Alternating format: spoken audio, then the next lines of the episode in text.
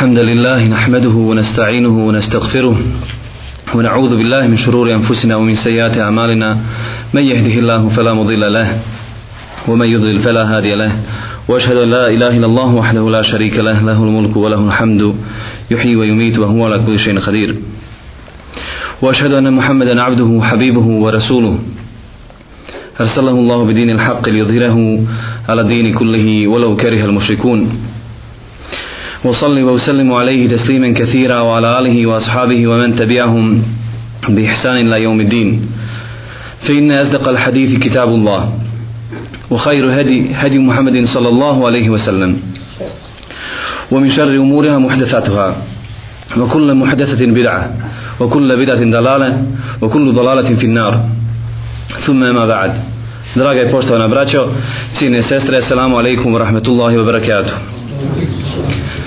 Mi smo pokušali u ovom našem druženju, u toku našeg druženja, da obradimo nekoliko tema, iako, ja uvijek kažem, u islamu nema nešto nebitnije od drugog, a da je nešto bitnije od onoga nižeg. To u islamu ne postoji. Islam je vjera pravde, ali nije vjera jednakosti. Mnogi griješi kada kažu islam je vjera jednakosti, ali nije istina. Zato islam daje pažnju svemu. Islam je sačuvao dušu, tako da onaj koji ubije nepravedno, bit će ubijen. Ili će da plati krvarinu ako je nehote ubio. Zatim, Islam je za, za, e, zaštitio razum, tako da svaki pijani, odnosno pijanica, biva kažnjen sa 80 udaraca. Islam je zaštitio i metak, tako da svaki kradljivac mora plati kaznu, to jest osjecanjem ruke, u drugom primjeru osjecanjem noge suprotne, u trećem slučaju ono što mu ostane, što mu je draže ruka ili noga. Zatim Islam je zaštitio čast. Svako onaj ko okalja čast vjernice muslimanke ili vjernika muslimana, a ne bude zato imao dokaza četiri svjedoka za njegovu tvrdnju, biva isto kažnjen sa 80 udaraca za klevetu. I povrh svega, Islam je zaštitio vjeru. Niko ne može ući u ovu vjeru, a onda nakon jednog vremena izaći iz nje, pa opet da uđe ili da izađe, tako da se igra sa Islamom, stvarajući smutnju ili sumnju drugim ljudima koji žele da uđu u Islam, ili oni koji su već muslimani, tako da biva ubijen. Nakon propisa jel, koje nećemo noća spominjati. Islam je, kažem, vjera pravde. Islam njeguje sve aspekte čovjekovog života. Njeguje njega samog i njegovu duhovnu i njegovu fizičku stranu i sve ono što smo malo prije spomenuli. Islam je dao od svoje pravde muškarcu duplo više miraza nego žensku. Ali opet zbog njegove pravde. Njegove pravde. I niko ne može potvoriti islam da je nepravedan zato što je žensku dao duplo manje nego muškom ili muškarcu od nasljedstva. Od onih stvari koje islam pazi jeste duša. Musliman je svjestan da je uspjeh u onome kako odgoji svoju dušu. Ako je očisti i upravi prema Allahu subhanahu wa ta'ala, okiti sa ibadetima i činjenjem dobrih dijela, on se može nadati uspjehu. Ali, ako je uprlja lošim dijelima, haramima i mekruhima, nevjerovanjem, griješenjem ili dakle općentom riječu činjenjem svega onoga što je zabranjeno u vjeri, onda je on propao. Allah subhanahu wa ta'ala kaže Kad eflaha men zekaha, wa kad habe men desaha. Uspio je onaj koji je očistio, a propao je onaj koji je uprljao. Zato musliman treba da se trudi, odnosno mora se potruditi, da čim više se okiti sa, bolji, sa boljim vrlinama, da čini samo hajrate i dobra djela, a kad god mu šetan priđe i navrati ga na neko loše djelo, da traži utočište od Allah subhanahu wa ta'ala, kod Allah subhanahu wa ta'ala od prokletog šetana i da zamoli Allah subhanahu wa ta'ala za činjenje dobrih dijela. Allah subhanahu wa ta'ala kaže إن الذين كذبوا بآياتنا واستكبروا عنها لا تفتح لهم أبواب السماء oni koji naše dokaze budu poricali dakle koji budu ajete poricali oni koji budu vjeru poricali i prema njima se budu oholo odnosili. Najgori je čovjek kada mu priđete i kažete boj se Allaha, to što radiš nije od Islama, to što radiš zaista je ružno djelo. On se uzoholi, uzigne se, uhvati ga objesti bijes i oholost ga ponese na još više griješenja. Pa vrijeđa i psuje i odbija, iako je on vjernik iako je on redovan u džami, iako on klanja, iako on posti, ali ne može da prihvati opomenu. Jer oholost iz njegovog srca nije izašla. Muhammed s.a.v. kaže, neće ući u džennet u čijem srcu bude i najmanji trun oholosti. Dakle, nije samo od porisanja ajeta i Allahovi dokaza dijelo nevjernika, nego ponekad to uradi i vjernici. Ne želi da prihvate istinu. Ne, može, ne mogu da shvate da nisu pravu za ono što oni čine u tom trenutku. Vole adhuluna al džennete hatta jeliđa al džemelu fi semil hijab. I neće ući u džennet, odnosno neće im se otvoriti nebeske kapije i neće ući u džennet osim ako se deva ne provuče kroz iglene uši. Allah subhanahu wa ta'ala navodi jasan primjer, odnosno očit primjer što ukazuje da je nemoguće da se deva provuče zbog njene veličine kroz iglene uši. Isto tako nevjernici i oni koji se budu uzoholili i ne budu prihvatili Allahove subhanahu wa ta'ala dokaze i ajete, isto tako neće im se otvoriti džennetske, odnosno nebeske kapije, neće ući u džennet.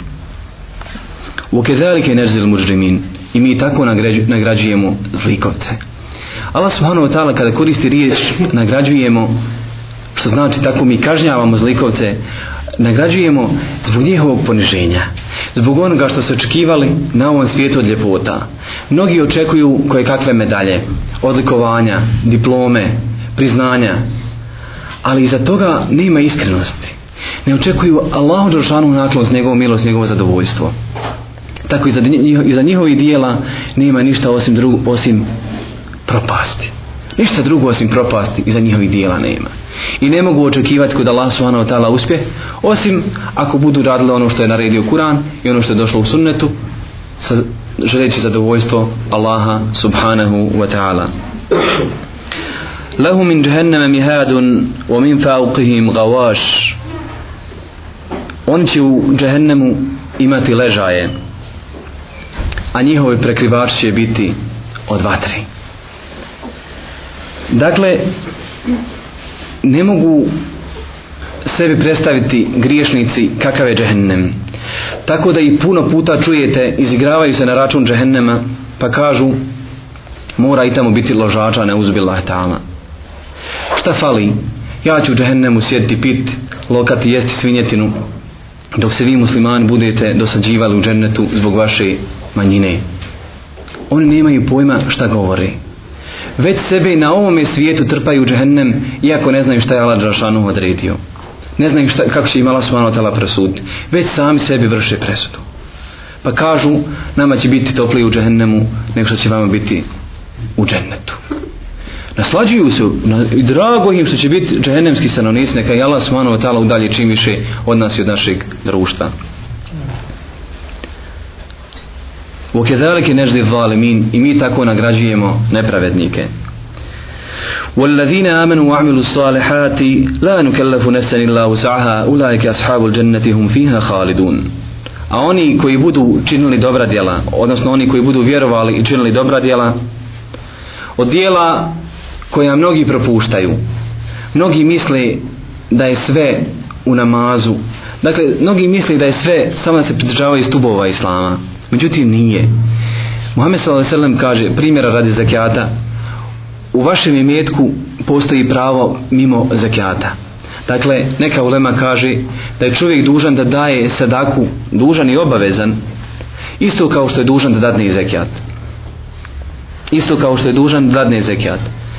Na file, dobročinstvo, poslušnost roditeljima, e, dobročinstvo drugim ljudima i mnogi, mnogi drugi vidovi dobročinstva koje čovjek treba da čini, ali ne čini.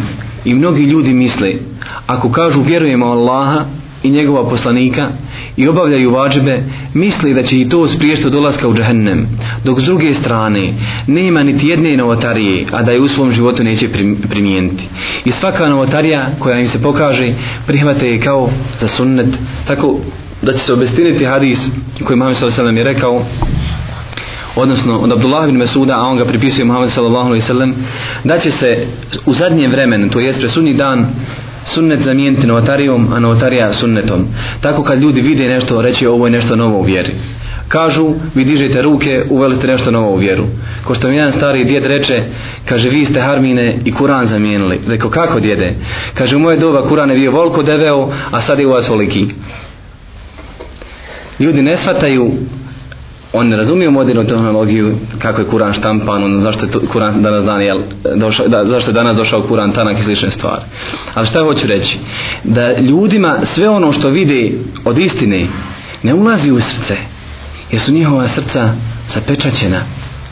Zapečaćena su im srca i ne mogu da prihvate istinu. I sve ono što im se ukaže ili naredi, oni to ne mogu da prihvate, nego ostaju na onom i kažu, mi ostajemo na onom i slidimo što, na čem smo zatekli naše predke. أو لو كان آباؤهم لا يعقلون شيئا ولا يهتدون A šta ako njihovi preci nisu ništa shvatali, nisu pravi put slijedali? Šta onda? Šta onda sa svim onim vrstama ibadeta koje današnji ljudi čine, odnosno praktikuju, šta ako ti ibadete nisu na ispravan način obavljeni?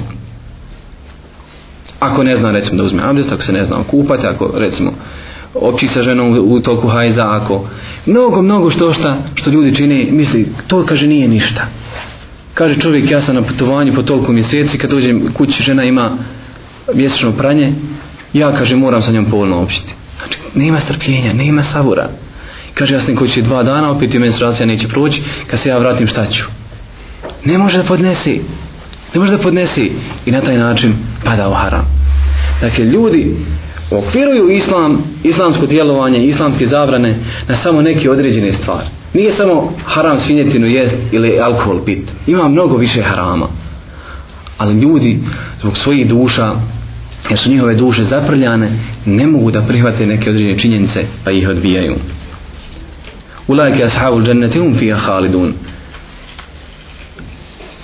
mi im nećemo narediti osim ono što mogu a oni će biti stanovnici dženeta u njemu će vječno ostati Muhammed sallallahu alaihi wa sallam kaže svi ćete vi ući u džennet svi ćete vi ući u džennet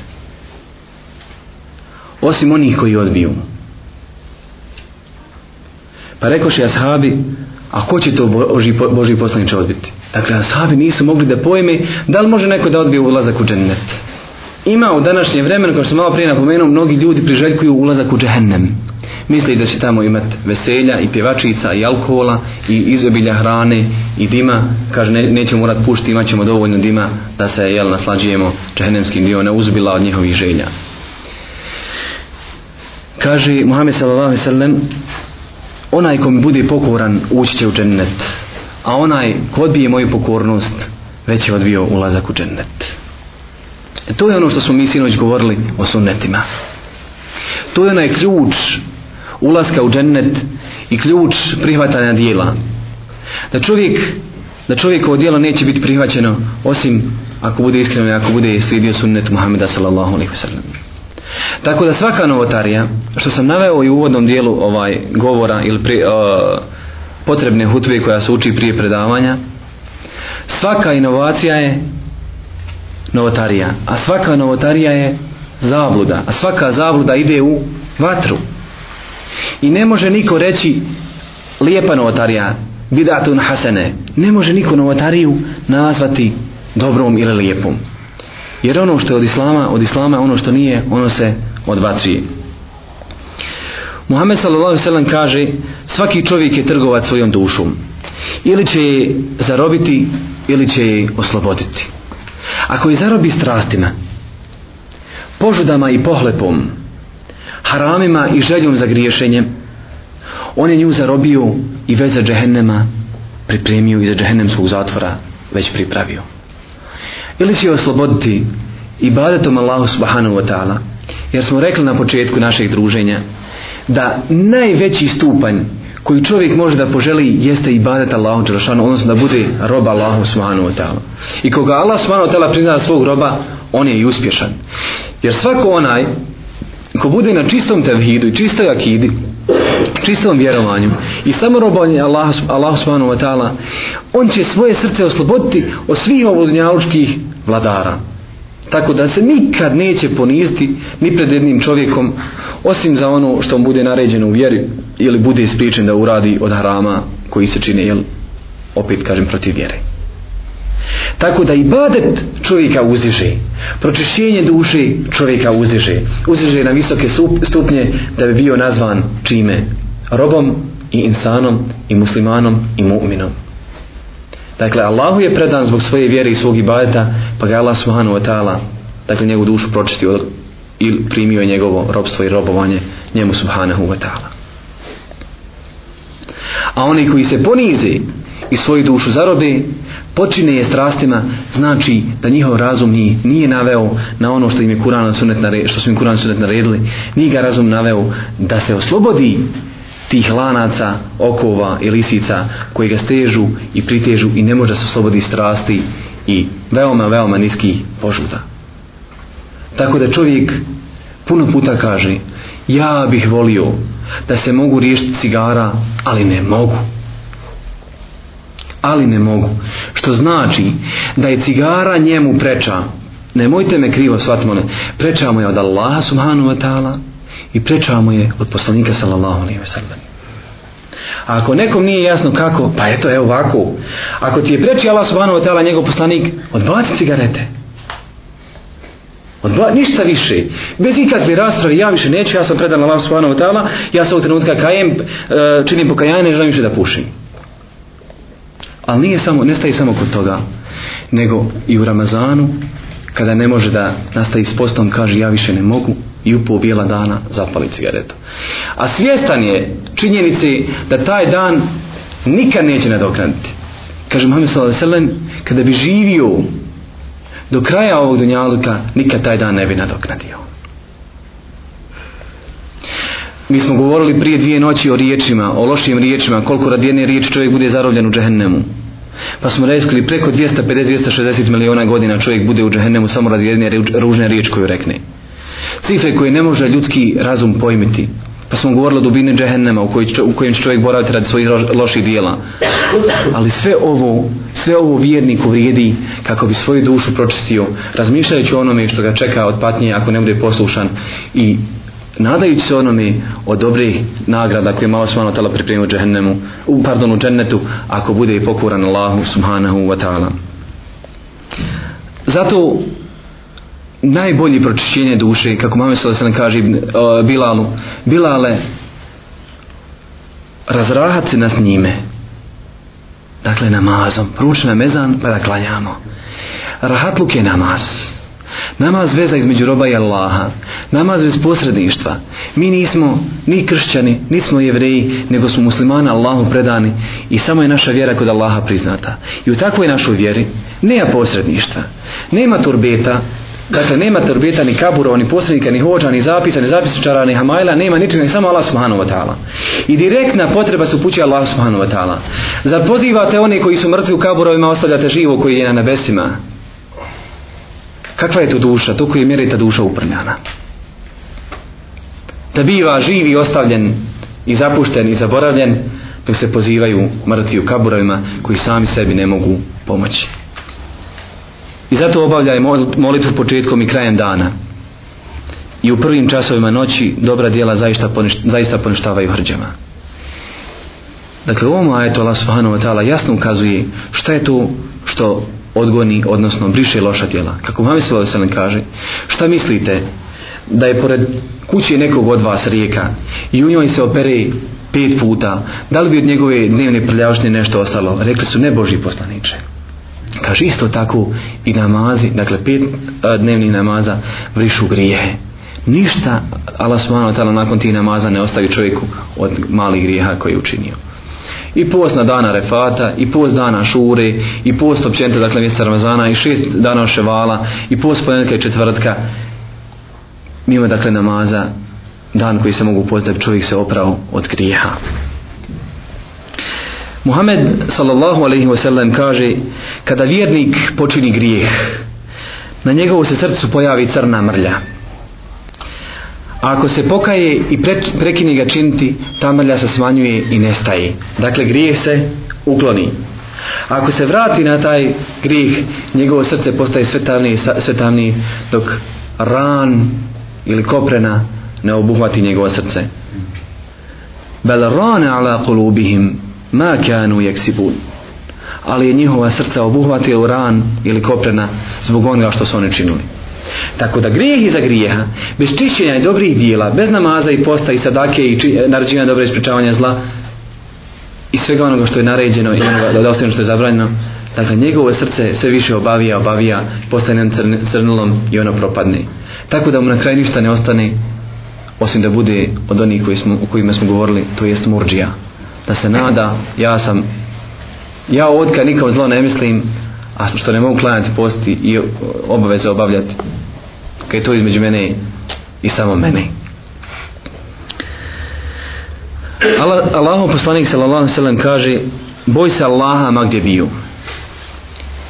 dakle nije bitno da li ti stajao pred sudijom ovo svjetskim sudijom nije bitno da li ti sam bio, da li sa svojom porodicom, da li pred šefom, da li pred, pred poslodavcem, da li pred svojom djecom, da li pred roditeljima, da li sam u samoći da se čovjek osami radi grijeha, uvijek se boji Allaha subhanahu wa ta'ala. Dakle, uvijek čovjek treba imati na umu bogobojaznost, da se boji Allaha subhanahu wa ta'ala. Učini dobro dijelo, Učini dobro dijelo, pa će dobro dijelo izbrisati nevaljalo. Jer od fadileta ili vrijednosti ili dobrota ili pravednosti Islama jeste da svako dijelo koje čovjek učini briše mu se njegovo zlo dijelo. Svi mi znamo da u našoj prošlosti postoji crni dan i crni trenuci. Ali Allah subhanahu wa ta'ala prihvata pokajanje i povrst tog pokajanja treba činiti dobra djela. Zato da bi se duša očistila bitne sljedeće stvari. Prvo, teoba ili pokajanje. Allah subhanahu wa ta'ala kaže Ja iha alladina amenu tubu ila Allah teobetan nasuha. Ovi koji vjerujete učinite pokajanju Allahu subhanahu wa ta'ala iskreno. Što je jasan dokaz, očiti direktan dokaz da je vjerni griješi. Da ne postoji niko potpuno na ovom i savršen na ovom svijetu osim njegova poslanika sallallahu alaihi wa sallam osim Allahova poslanika sallallahu alaihi wa sallam i niko ne može sebi pripisati nepogrešivost i reći ja ne griješim, zašto bi ja činio te obu, zašto bi ja činio isti kvar pa ga šeitan zavede, pa ti si dobar maša Allah što klanjaš bar kalam fik, pa ti si dao zekat pa ti, da, pa ti činiš dobro E, tim što obavljaš dnevne namaze, pa on se ponesi što obavi pet dnevne namaze, što obavi jedan put jel, mjese, o, hefteno džumu i ponesi se time što posti mjesec Ramazan i on misli da je na tome njegov islam završio. A ne okreći se na svoje grijehe i kaže sve će to meni opra, oprati grijehe. E nije istina. Zato Allah Žešanu kaže, ovi koji vjerujete, Allahu se pokajete iskreno. Asa rabbukum an yukaffira ankum sayyatikum. وَيْدُخِلُكُمْ جَنَّاتٍ تَجْرِي مِنْ تَحْتِهَا الْأَنْهَارِ Kaže da bi vaš gospodar oprostio, odnosno prešao preko vaših ružnih postupaka i da bi vas uveo u dženecke bašče, bašče kroz koje rijeke teku. Dakle, pokajanje čovjeka priprema zašta? Za lakši ulazak u džennet. Odnosno, da bi čovjek mogao da se ponada da će Allah subhanahu wa ta'ala, da će Allah subhanahu wa ta'ala prihvatiti njegova djela i da bi ga Allah subhanahu wa ta'ala uveo u džennet. Muhammed sallallahu alejhi ve sellem kaže: "O ljudi, pokajte se Allahu, jer ja se Allahu pokajem u jednom danu više od stotinu puta." U jednom danu Muhammed sallallahu alejhi ve sellem se kaže dakle više od stotinu puta. A koliko se mi koliko se mi puta pokajemo u godini?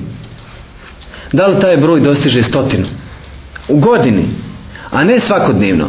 A mi znamo, mi znamo ko je Muhammed sallallahu alejhi ve sellem bio. Ako je njemu bilo potrebno pokajanje, ili ako ga je činio da je naučio svoj ummet, onda je nama potrebnije, s druge strane, onda mi nismo naučili njegov sunnet. Onda nismo naučili njegov sunnet. Nismo ga naučili, nismo ga primijenili. Ili ako smo ga naučili, nismo ga primijenili. Gdje je ono slijedjenje? Gdje je onaj uslov za primanje naših dijela? Gdje je onaj ključ za džennetska vrata? Muhammed s.a.v. kaže, ko se pokaje prije nego što sunce izađe sa zapada, Allah će mu pokajanje primiti. Dakle, te obom čovjek opet može se pra, vrati među žive. Griješnik je kao mrtvac. Griješnik je kao mrtvac, mrtav čovjek. Sve dok se ne pokaje, pa ponovo živi. Isto kao zemlja, mrtva zemlja na koja Allah smano tela spusti kišu, pa ona naglo procvjeta lišćem, odnosno travom i raznolikim zelenim lišćem i cvjetovima. Isto tako i muminska duša. Pročisti se te obom, tako da ponovo procvjeta znači, da bi činila dakle, dalje dobra djela, a klonila se ružni. Muhammed s.a.v. kaže Allah će svake noći prije što izađe sunce sa zapada pružiti svoju ruku da se pokaju oni koji su činili grijehe po danu. A svakog će dana pružiti ruku da prihvati pokajanja onih koji su činili grijehe tokom noći. Dakle, Allah subhanahu wa ta'ala nudi svojim robama da se pokaju. Da se pokaju za one svoje grijehe koji su činili u prošlosti. I one koje čovjek čini svakodnevno. Najviše što čovjek učini grijeha dnevno jesu riječi i pogledi. Jesu riječi i pogledi. Najviše čovjek vidi harama i najviše izgovori harama. Najviše. I najviše što se mam sada se ne boja u svom umetu, kaže, bojao sam, vama što se najviše bojim, jesu dvije stvari. A to jeste jezik i polni organ. Jer te dvije stvari najviše će čovjeka navesti na grijehe i najviše čovjek uradi grijeha nakon pogleda polnim organom, to jest zapada u blud i očima i polnim organom. Allah subhanahu wa ta'ala se raduje te obi svoga roba više nego čovjek kada krene pustinjom golom i sušnom pustinjom.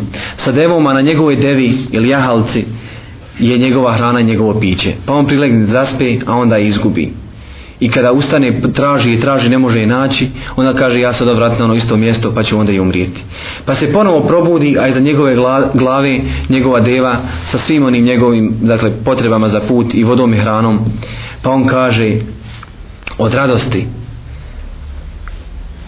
hvala tebi gospodaru moj odnosno hvala tebi Allah ja sam tvoj gospodar a ti si moj rob dakle od žestoke radosti zbog onoga što je vidio Allah subhanahu wa ta'ala se više raduje njegovom pokajanju, dakle pokajanju roba, nego što se on može radovat za ono što je vidio, odnosno našao svoju devu, što mu se vratila. Kada Allah subhanahu wa ta'ala, kada znamo da Allah subhanahu wa ta'ala prihvata pokajanje, zašto se onda ljudi tako rijetko kaju? Zašto, želi, zašto ljudi ne želi da priznaju svoje grijehe? Ali pokajanje ima i uslove. A to je, dakle, nakon pokajanja, da se čovjek stalno kaje za taj grijeh, da se više nikada u njega ne vrati, da ga ne ponovo počinio, da plače za onim što je učinio da čini dobra djela kako bi svoje, dije, eh, kako bi svoje grijehe dakle ta grije za koji se pokajao kako bi ga izbrisao dobrim djelima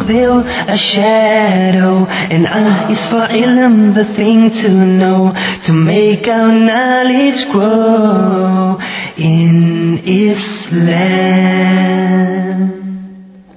Allah is for ghaib, a world unseen, and that we know is not a dream, and fa is far the opening al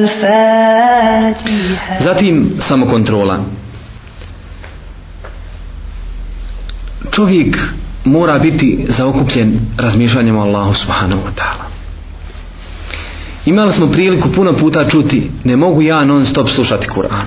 Moram neka slušati muziku ne mogu ja non stop činiti zikr moram nekad i pričati ne mogu se ja zabaviti hadisom i kuranom moram ja i viceve slušati odnosno pričati i ne mogu a mogu ne mogu a mogu u čemu je problem ljudi nisu zavolili toliko kuran i sunnet da bi im kuran i sunnet bili zamjena za sve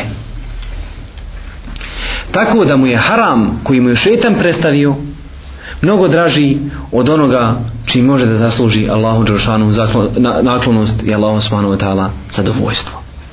Tako da ste i puno puta čuti kako bez jednog razloga društvo počne jesam čuo taj taj vic. A vi mu recite nisam ni te zanima. Jer riječi, riječi su te koji čovjeka strovale. Riječi su te koji čovjeka ponižavaju. Jednom riječju možete uvrijediti čovjeka, i te rane nikad neće zamlatiti jednom riječu možete odbiti njegovo dobročinstvo možete odbiti njegovu naklonost možda čovjek želi nešto da vam kaže lijepo da vam dadne nešto lijepo ili želi da se vam porazgovara a vi ga na ružan način odbijete sa ne ili bježi ili odbi i takva riječ da ne govorim o psovkama i takva riječ može puno da ostaje utjecaj u njegovom srcu a on je vjernik i nije dozvoljeno da ga vrijeđate i da ga ponižavate Muhammed sallallahu alejhi ve sellem kaže Aiši Aiša rekla si takvu i takvu ružnu riječ. Kada bi se spustila, sva bi mora zemaljska i okeane zagatila. A ona je samo rekla, dovoljno ti Boži poslaniče Safije što je niska i debela. Ništa, mislim, ona je puno toga rekla, ali ništa u odnosu na ono što današnji ljudi govori. Te tlakave, te čupave, te debeo, te vakije, te nakije, te mršav, te gubav, te šugav, te vakije moč, te razrog, te... sve najgore mogu o čovjeku reći mogu čovjeka uvrijediti. Neće paziti niti jednog trenutka, niti jedne sekunde šta izgovaraju. Niti nakon što završe priču o ogovaranju, ne razmišljaju šta su rekli. Kako onda musliman može da tvrdi da traži halal meso koje je zaklano po Allahovim propisima, a s druge strane jede mrtvo meso brata svoga. Dakle, meso mrtvog brata svoga. Kako je to moguće? Kako smo mi to onda muslimani? trudimo se da jedemo šta? Halal meso koje je zaklano u ima Allaha, a s druge strane jedemo meso mrtvog brata svoga. Je li to pravi islam koji mi želimo da promoviramo, koji mi primjenjujemo? Ne. Ni u kom slučaju ne možemo. Dakle, nismo na ispravnom putu, nismo pravi vjernici. Nama puno toga fali. Gdje je ta naša samokontrola? Kad ćemo se više pokazati svojih grija? Hoće li doći trenutak kada ćemo se više jedan put preobrnuti i krenuti pravim putem. Zato čovjek mora imati na umu da Allah subhanahu wa ta'ala vidi i čuje sve njegove pokrete i njegova djela. Allah subhanahu wa ta'ala čuje toput nogu ili od, e, glas nogu ili zvuk nogu mrava crnoga mrava na bijelom kamenu u tamnoj noći. I ako mi ne vidimo, Allah subhanahu wa ta'ala vidi. Primjer da bi čovjek svaki shvatio da Allah subhanahu wa ta'ala zna što kriju njegove grudi i ono što u javnosti čini. وَمَنْ يُسْلِمْ وَجْهَهُ إِلَى اللَّهِ وَهُوَ مُحْسِنٌ فَقَدْ إِسْتَمْسَكَ بِلْعُرْوَةِ الْوُثْقَ Onaj ko se sasvim preda Allahu subhanahu wa ta'ala ko se preda Allah subhanahu wa ta'ala u potpunosti i svojim mislima i svojim dijelima i onim što naređuje i onim što zabranjuje i onim što čini i ono što ostavlja i usto čini dobra djela on se uhvatio za čvrsto uže kakva su naša užad kakvi su naši konopci da li su oni u vidu jednog končića koji svakog trenutka čekamo da pukne jer čekamo da naš konac svakog trenutka pukne ili ga mi svaki dan prekidamo sa lošim dijelima do kojem smo mi onda stupnja došli zbog toga Muhammed s.a.v. kaže ihsan je ili dobročinstvo je da obožavaš Allaha kao da ga vidiš iako ga ne vidiš, on tebe vidi dakle čovjek zbog samokontrole non stop ima na umu da ga Allah subhanahu wa ta'ala gleda Jedan čovjek je bio upitan, šta ti u obaranju pogleda, šta u obaranju pogleda čovjeku najviše pomaže? Kaže, tvoja spoznaja da te vidi onaj, da te vidi onaj kad ti gledaš. Dakle, u onom trenutku, da čovjek kada pogleda u haram, zna da ga Allah subhanahu wa ta'ala gleda i to da znaš da prije tebe vidi to da zna za taj tvoj haram koji ćeš ti počiniti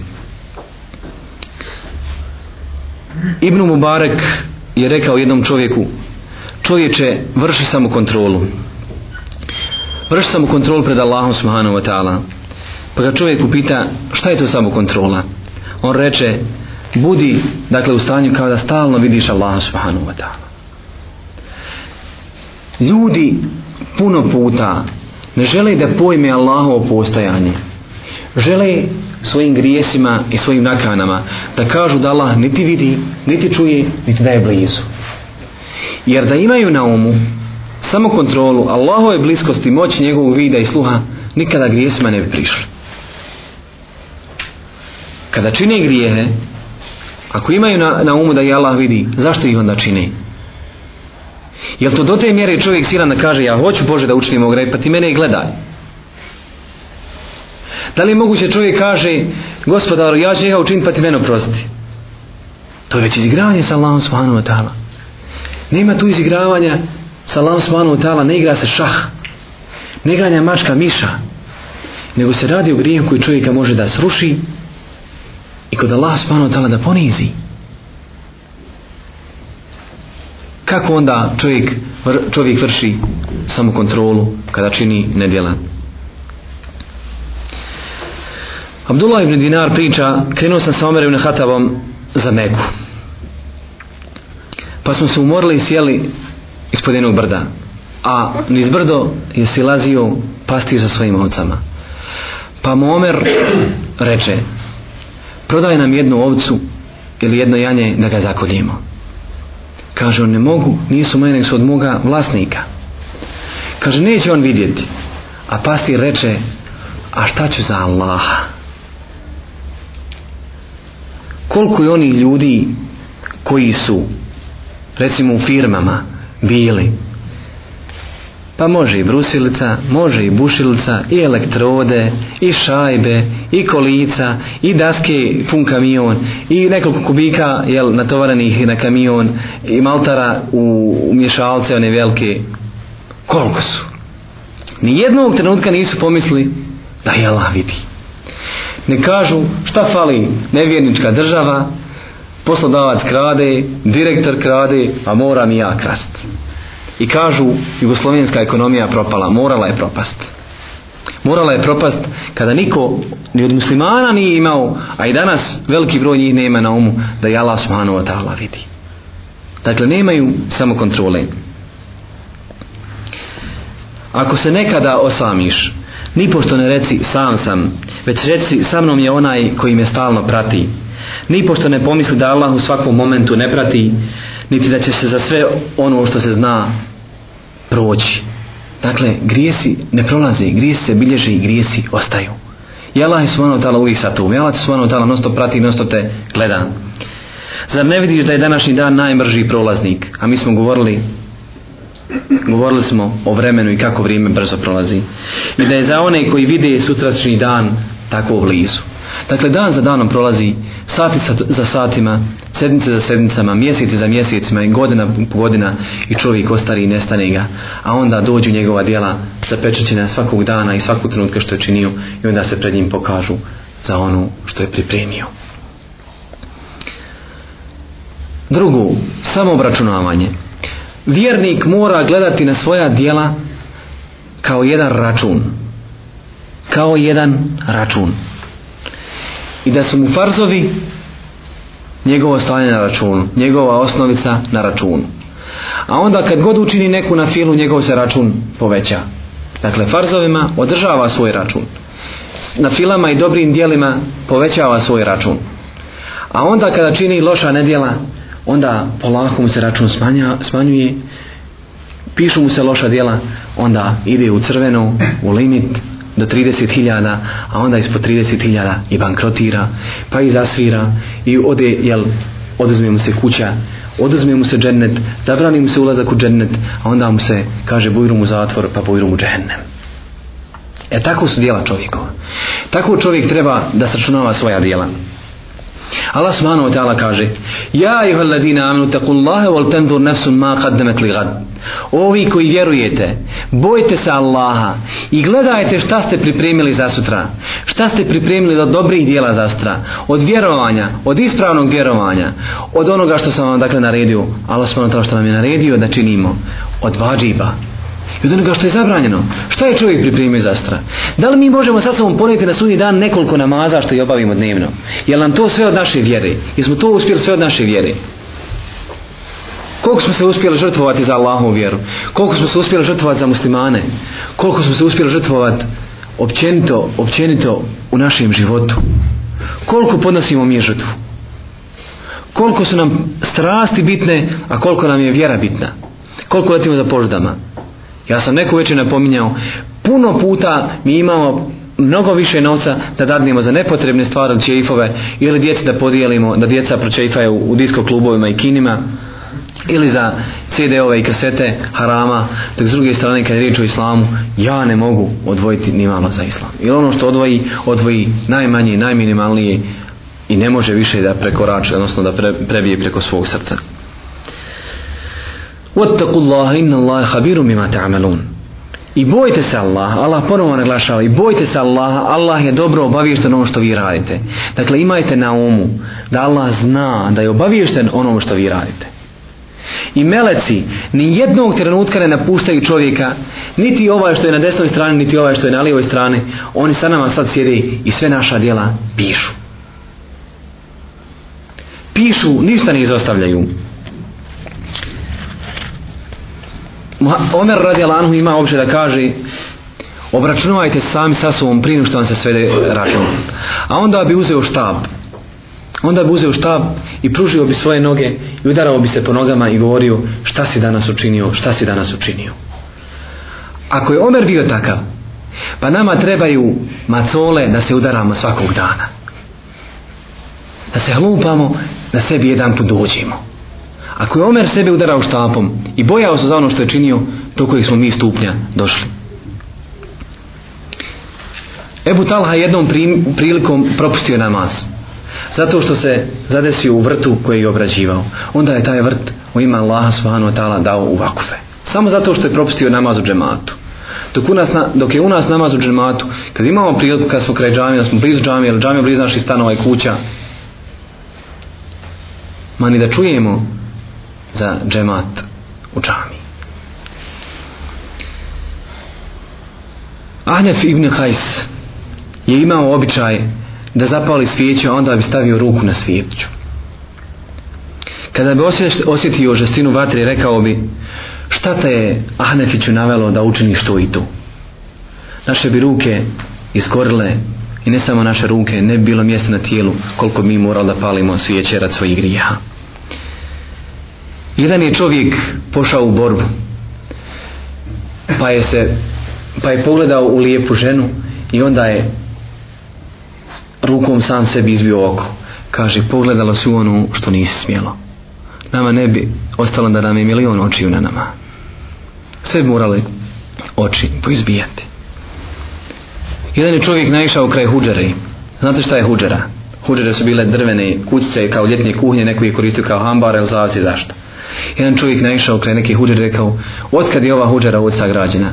A onda se zakleo da će godinu dana postiti. I rekao duši, kažnjavam te postom od godinu dana zato što si pitala za ono što te ne zanima. Kaže Muhammed sallallahu alaihi sallam, od lijepog vjerovanja čovjeka jeste da ostavi ono što ga se ne tiče.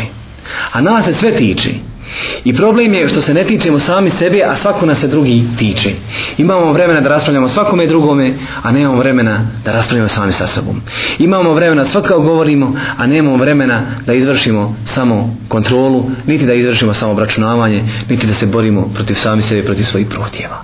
E u tome je naš problem.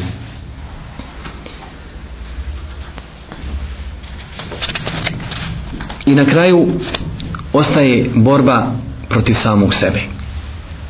Muhammed sallallahu alejhi ve sellem vraćaju se iz jedne bitke kaže vraćamo se iz malog džihada u veliki džihad.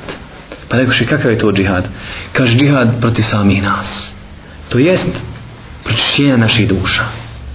Jesmo se tamo ispucali, odnosno u borbi smo se ispucali, ali treba se srediti kad se vratimo kućama.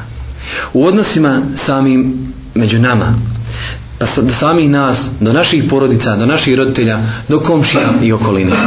Jer svaki čovjek kad bi se preispitao, svaki čovjek nebrojeno puta u jednom danu učini sebi nepravdu. Pa učini nepravdu i svojoj porodici, i učini svojim roditeljima, i učini rodbini, i učini prijateljima, učini svakom nepravdu. Sebi čini nepravdu. Gledanjem u harame, pričanjem har dakle harama, zaostavljanjem vađiba, propuštanjem onoga svega što je naređeno. Djec čini nepravdu time što ih ne podučava islamu, ne podučava ih kuranu, ne podučava ih dobrim dijelima.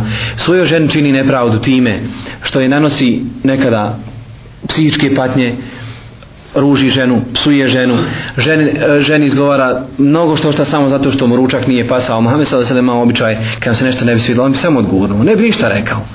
Dok u nas, ha, zar opet čorba? Zar opet e, ovaj kako bi rekli povrće ja to ne mogu ja to neću ovo je preslano ovo je, ovo je preslatko ovo je bljutavo ovo je onako ovo je onako Čini nepravdu svojim roditeljima time što ih redovno ne obilazi, redovno ih ne poziva, redovno ne odlazi njima, ne, vr, ne izrašava njihove potrebe, ne brine se dakle onima ko što treba se brine svako dijete. Komšijama čini nepravdu što oduzima njihov hak, gleda u njegovu ženu, e, vrijeđa njegovu porodcu, oduzima njegovu zemlju, pomjera kamen, ovaj, kamen međaš kad god se ukaže prilika, govori mu ružne riječi, ne ispravlja ga, dakle ne upući ga na pravom putu. A čitavo je zajednici čini nepravdu i krađom i laži i ogovaranje. Imamo dakle vremena o svakome, a ne imamo vremena o sebi.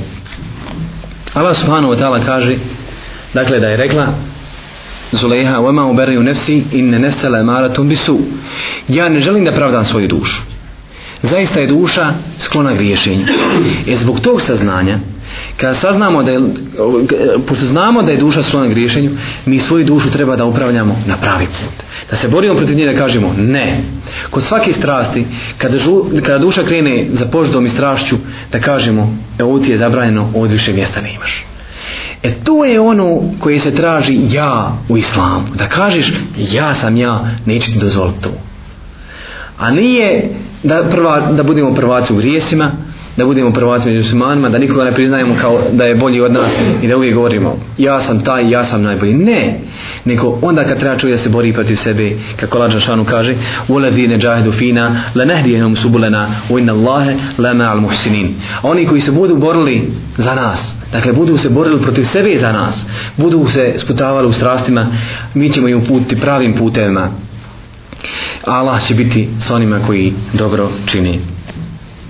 Muhammed sallallahu alaihi sallam iako je bio poslanik znao je da ostane u namazu po čitavu noć pa bi u noge otekle i popucale pa bi Aisha rekla Boži poslaniče zašto se ne odmoriš Allah ti oprostio ono što si prije učinio ono što ćeš učiniti od grija kaže Muhammed sallallahu alaihi sallam jednostavnim riječima efe la kunu abden šekura o Aisha zar da ne budem zahvalan rob Muhammed sallallahu alaihi wa sallam kako iša pripovjeda došao bi mlađak pa bi došao mlađak to znači tri mjesta, nije dva nego tri mjesta se računaju a u poslanikovoj kući ne bi bila zapaljena vatra ne bi se ništa skuhalo pa su rekla iša šta ste jeli kaže jeli smo odnosno jeli smo hurme i pili smo vodu zato ne budem zahvalan rob pored palače koju mi Allah subhanahu wa ta'ala dao da živim u njoj Pa živimo u zgradama koje imaju po 14 spratova. Po 15 spratova. Palačama živimo. Pa nam je Allah svano dala dao grijanje, pa nam je dao vodić, pa nam je dao dobre plate, pa nam je dao raznoliku hranu. Ne postoji dana da ja u jednom hranu pojedem istu hranu. Dakle, dva dana pojedem istu hranu. Ne jedem nikao ono što od jučer, ko bi nije jel svježe, ne mogu ja to može da se mere podnijet, meni će rana za bol, dajte meni svježe hanuma. Pa imam da pijem šta želim, pa imam raznolikog, dakle, voća i upuz i ime sad imam voća i povrća da idem što nisam nekad prije imao kad sam bio dijete, jer ono što se utrapi to je bilo u trapu, ali danas uvijek sveže voće i sve nam je to Allah subhanahu wa ta'ala i što je najbitnije što nam je dao Allah subhanahu wa ta'ala jeste razum i zdravlje. Jeste razum i zdravlje i slobodno vrijeme. Pa zar da ne budemo zahvalni robove Allah subhanahu wa ta'ala? A Muhammed s.a.v. kaže, iš, i pored toga što je klanjao čitav noć, kaj zar da ne budem Allahu zahvalan robom? Ali ja radi Allahu anhu. Kada priča o sahabima kaže, zapamtio sam Muhammedove drugove. I tako mi Allaha ne vidim nikog između vas da liči na njih. Čime sam da mi ponosimo? Mi mislimo da smo bolje da sahaba. Mislimo da smo bolje da sahaba. Mislimo da su dženetski kapi otvoreni samo da vela da sviču. Hodi ti i ti, taj i taj, hodi uđi. Ali radi Allahanu kao i svojim prijateljima, dakle, tabi inima, gledam vas i prisjećam se Allahovog poslanika, njegovih prijatelja i nikog ne vidim sličnog između vas.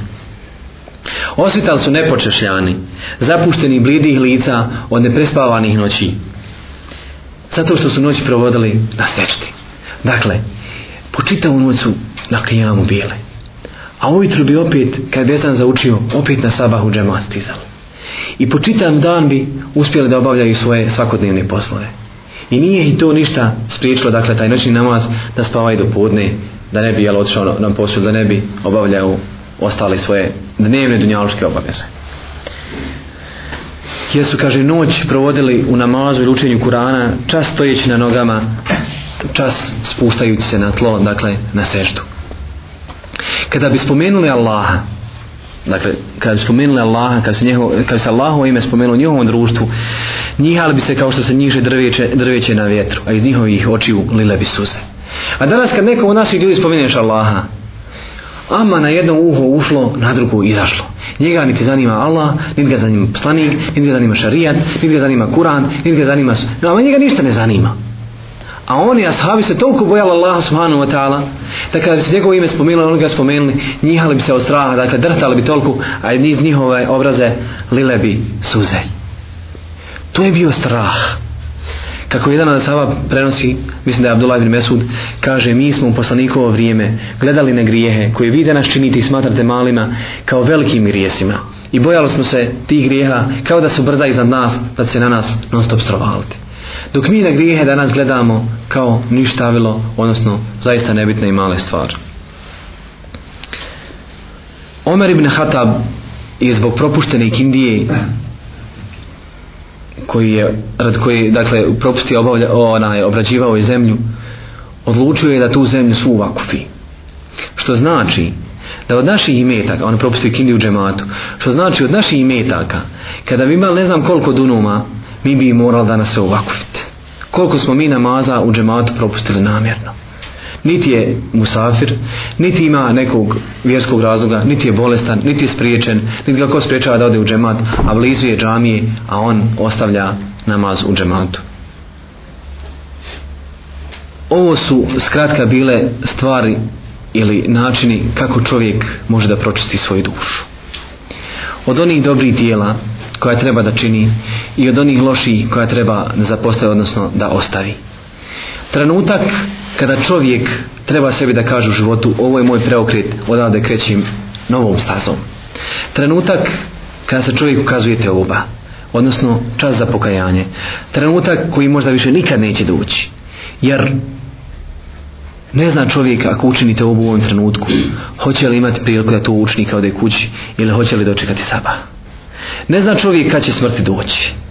Ne zna čovjek kad smrt može da nastupi. Kullu nefsin zaiqatul maut. Svaka će duša okusti smrt. Inneke mejitun u innehu mejitun. Allah subhanahu ta'ala kaže ti smrtnik i oni su smrtnici. Ja ih ladina amenu taku Allahe, volite andur nefsu ma kad demet li kad. Ovi koji vjerujete, bojite se Allaha i gledajte šta ste pripremili za sutra. Wattaku Allahe, inna Allahe habirum bima ta'amelun. Bojite se Allaha. Allah je zaista obavješten onome što vi radite. Neka se vas hvala dala nagradi, neka nam upiše ovo među naša dobra djela. Sallallahu ala sajna wa nabina Muhammedu ala Muhammedu. I sad još jedno pitanje, ovaj namaz prije se govorio o namazu džematu i znam približno idem u džami međutim mi neka se prepi da smo u kućama imamo kao džemat mi to zovemo džemat kolika je vrijednost toga u kućama džemata i onoga u u mešidu, džamijama. Ne može se pored džematu ukući sa onim džematom. Ne može se pored. Jer zna se džamija je za, za džemata, a kuća nije. Kad se čovjek ženi, ona je nekako dođe u naše malo para, da bi žena preživjela dva, tri mjeseca, jel? Na osnovu čega se to može ono tačno realno ustanoviti, da ne bude niti muškarac nekako previše ona tavarena, ni žene da ne bude premali. Da li postoji neka formula da se... To za mehr, Koliki mjesec treba bude da bi njoj bio dovoljen nakon njegove smrti ili rastave braka? Neće mi reći tri mjeseca, možda će mi treba devet mjeseci, možda će trebati godina, ne možeš, reći, ne možeš, ne možeš čovjek ugraničiti koliko njemu je potrebno novca. Nego, što se tiče mehra, islamski pravnici ovaj, su precizirali na jedan jednostavan način. Kažu, njen mehr ne može biti manji nego što njene majke i njenih tetaka i sestara. stara. Međutim, problem je što njena majka ni sestra ni tetka nisi nikada bila mehra. Jel tako? Sad treba odrediti koliko je potrebno njoj novca. Kod nam se nije prije mehr davo. Mnogo godina unazad mehr se nije davo. Ukinuta, u stvari ukinuta institucija islamskog šarijeta je bila to, totalno. Da mnogi ljudi nizali se šarijatski brak. Ono šarijatsko vjenčanje tako da se odredi recimo koliko bi njoj bilo dovoljno da ona preživi do sljedeće udaje ili do sljedećeg snalaženja sad koliko su vas plate, odnosno koliko potrebno za jedan mjesec, za jedan mjesec da se preživi, od kirije hrane i jel sve onoga što je potrebno, da će sad biti tri, šest ili deset to Allah najbolje zna. Ali sve je stvar dogovora. Sestri muslimanki nije dozvoljeno da čo, svoga čovjeka stavi u dugove na početku braka pa kaže moj mehr je 300.000 maraka da je zlatna neko ostane kod babe nije joj dozvoljeno nije dozvoljeno s moralne strane ako je sa šarijatske ili vjerske nije s moralne strane dozvoljeno jer odmah na početku braka svog čovjeka stavio dugove kako će onda nju on voliti ali ako on se dogovori na 3-4 maraka to nisu nekakve svote to je minimalno što će ona sve može zaštiti ali ima žena koji spucaje kako bi rekli cijenu da bi njega jel, prizna da je ne može nikad dati talaka. E i to nije u redu. Ako će ja nju morat trpiti, da ona je zičar i čita život, ne treba, neće pristati na toliki mehr. Dakle, ne može pristati na toliki mehr. Ali uvijek straži neka sredina, odnosno onoliko koliko jel, može njoj biti za njeno snalaženje u životu nakon rasta ili smrti. Ja imam pitanje za čupanje obrta. Sad, njeđe sam čitao da je poslanik se sam prokleo znači žene koje kome se čupa i koja je čupa obrve van dok sam našao isto jednu predaju gdje je Ajša radi Anoha rekla da je dozvoljeno ako muž dozvoli mislim zahtjeva neka nije muž nema pravo da muž nema pravo da traži žene da ona čini harame jer to ima u ličnost žene muslimanke nema pravo da traži od nje da čini harame pa makar to bilo njegovom da je Muhammed sada se nam je zabranio zato što je to ovaj, od dijela nevjernika. Poistovićenje sa nevjernicima. Aha. Druga stvar, Muhammed sallallahu alejhi ve sellem je prokleo onu koja čupa overve i ona koja čupa. Dakle, ona koja čupa i ona kojoj se čupa. I ona koja navezuje kosu i onoj koja se navezuje kosa. I ona koja oštri zube i ona koja...